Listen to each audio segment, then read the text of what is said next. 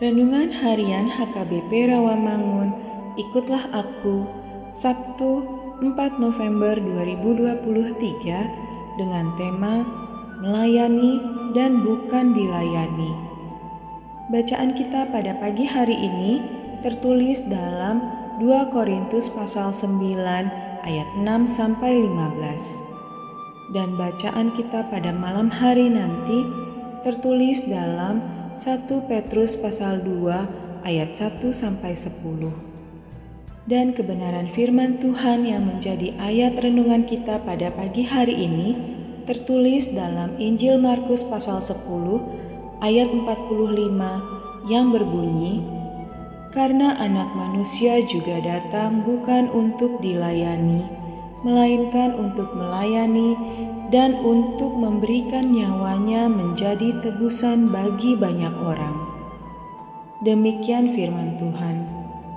Sahabat, ikutlah aku yang dikasihi Tuhan Yesus. Alfred Adler pernah berkata bahwa salah satu kehendak manusia adalah keinginan untuk berkuasa atau the will to power. Setiap orang merasa lebih layak dan lebih mampu dibanding dengan orang lain, merasa dirinya sebagai superior dan orang lain inferior, ingin menjadi nomor satu dan dihormati.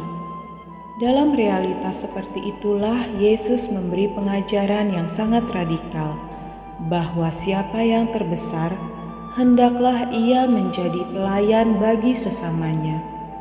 Siapa yang ingin menjadi terkemuka hendaklah ia menjadi hamba atau doulos bagi sesamanya.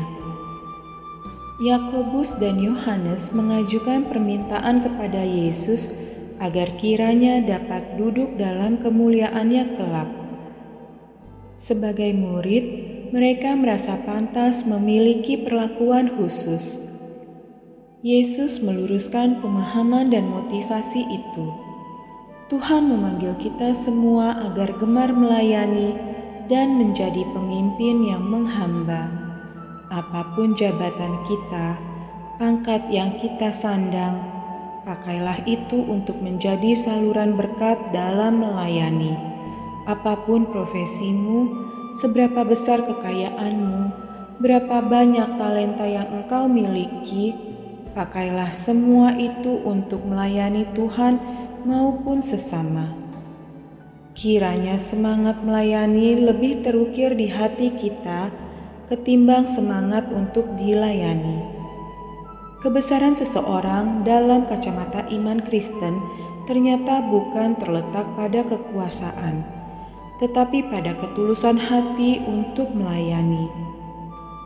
Bukan pula asal sekedar melayani, tetapi melayani dengan sungguh-sungguh bahkan mulai dari meja makan kita di rumah kita. Selamat melayani dengan setulus hati. Tuhan memberkati. Amin. Mari kita berdoa.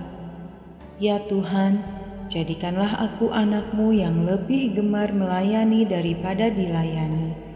Bukan sekedar melayani, tetapi melayani dengan setulus hati. Amin.